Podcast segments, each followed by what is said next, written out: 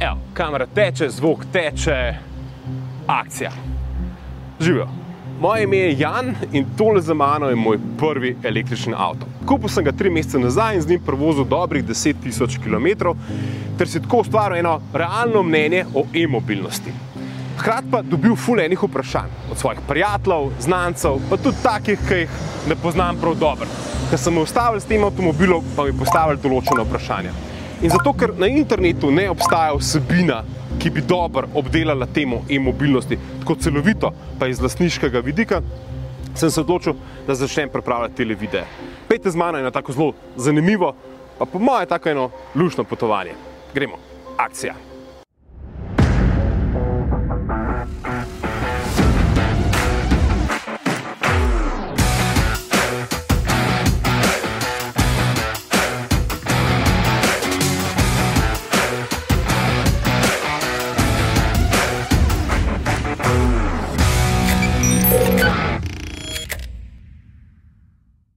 Res ne želim krasti časa, ampak rabiš pa par osnovnih informacij. Ker tukaj iz mojega studia, kjer bo cela zadeva nastajala. Da mi tam 45 sekund do ene minute.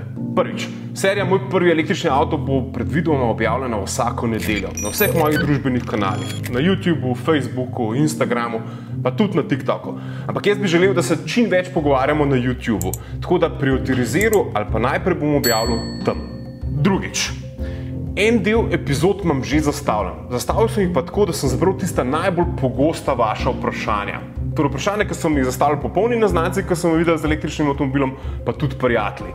Teh epizod bo nekje 12 in bo odgovarjala tudi na vprašanje, med drugim, zakaj sem se odločil za nakup električnega avtomobila 2022 in zakaj verjamem, da me bo v naslednjih petih letih ta avto stal pol manj od običajnega. Hkrati bo mogoče odgovoril, kako enemu takmu skupnemu stanovanjskemu objektu priti do lastne vtičnice za električen avto. Povedal vam bom svojo lastno izkušnjo, kako je potvati tisoč km z električnim avtomobilom in kaj to vse skupaj prinaša, kje aplikacije za načrtovanje poti uporabljam in kje so pravzaprav ti izzivi e-mobilnosti. Valjda, nekaj sem še pozabil, ankete. Torej, redno na svojih družbenih profilih, torej na Instagramu in na LinkedIn-u, objavljam ankete povezane z e-mobilnostjo. In te mi dajo pravzaprav vaš utrip ali pa vaše mnenje o električnih avtomobilih. Zato bi vas prosil, da me sledite na LinkedIn-u in na Instagramu, pa da ne bo več ta en sam 500, torej 500 odgovorov na anketo, ampak vsaj 1000. Tako da bomo dobili en tak utrip, kaj si slovenci mislimo o električnih avtomobilih. Ampak, kar je v bistvu najbolj pomemben vsebine, da želim ustvarjati sam. Želim, da jo ustvarjamo kot neka skupnost. Torej, pomeni, da vi za svojimi komentarji pod temi videi v bistvu izraste svoje mnenje ali pa tudi ne strinjanje z mano. In tam, ko bo veliko teh konfliktov, ko bo v bistvu veliko enega trenja, bom jaz poskušal najti inspiracijo za nove teme in vam odgovoriti na ta vprašanja. Res, vzel si bom cajt in se posvetil določeni temi in jo razgradil, tako da bo eh, koristila tudi vsem ostalim, ki bodo gledali te video posnetke in da bomo določene stvari enkrat za vse razčistili. Ok, ampak zakaj če zares nastajajo ti video posnetki? V zadnjih treh mesecih lasništva tega avtomobila je k meni pristopilo ogromno enih ljudi, ki mi je postalo relativno podobna ali pa celo identična vprašanja. Hkrati pa sem samo gotovo, da jim zelo težko eno znašno odgovorim, ampak da so to kar neke teme za take malo bolj poglobljene video osebine.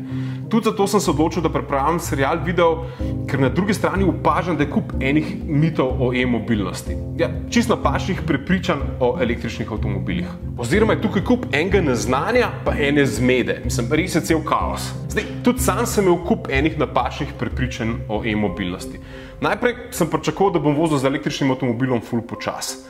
Pol sem bil 100%, da bom zelo, zelo veliko časa stal na teh quick chargerjih za avtomobile in s tem zgubil precej časa. Ampak realnost je čist drugačna. Najbolj so me zmotili miti ali pa celo na nek način razjezili, ker ljudje imajo res napačne prepričanje. Določene stvari vzamejo iz konteksta in jih postavijo v svojo navidezno realnost.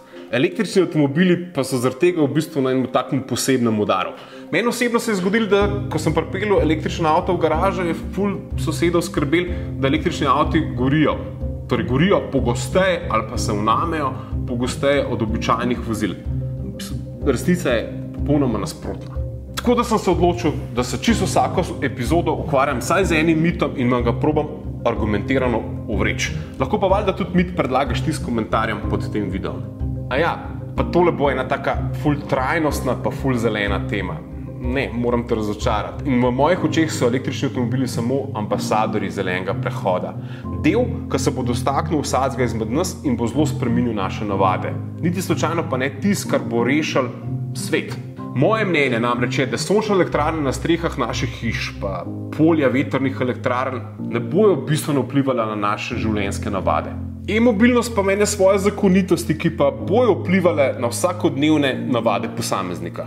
Kako naj povem, avto bomo malo drugače uporabljali, kot ga uporabljamo do zdaj. Ampak dajmo pogledati malo cifre. Sej ne bom tečen statistiko, sam za prvi okus.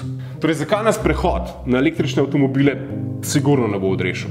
Lej, celoten promet predstavlja nekje 18 odstotkov toplogrednih izpustov in od tega osebni avtomobili samo tam ene 8 odstotkov.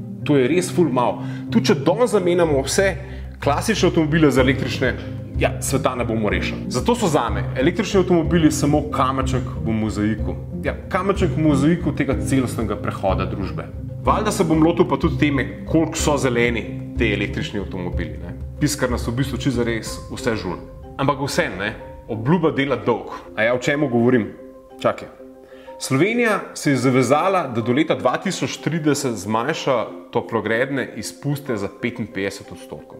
To, mislim, to je res ogromno. Torej, tu, če jutri zamenjamo vse avtomobile in jih nadomestimo z električnimi, bomo tukaj pridobili tam 7-8 odstotkov, kar je v bistvu izjemno malo. Tako da osebno sem mnenja, da bi se vse ostalo lahko preoblikovalo kot ta mobilnost ne?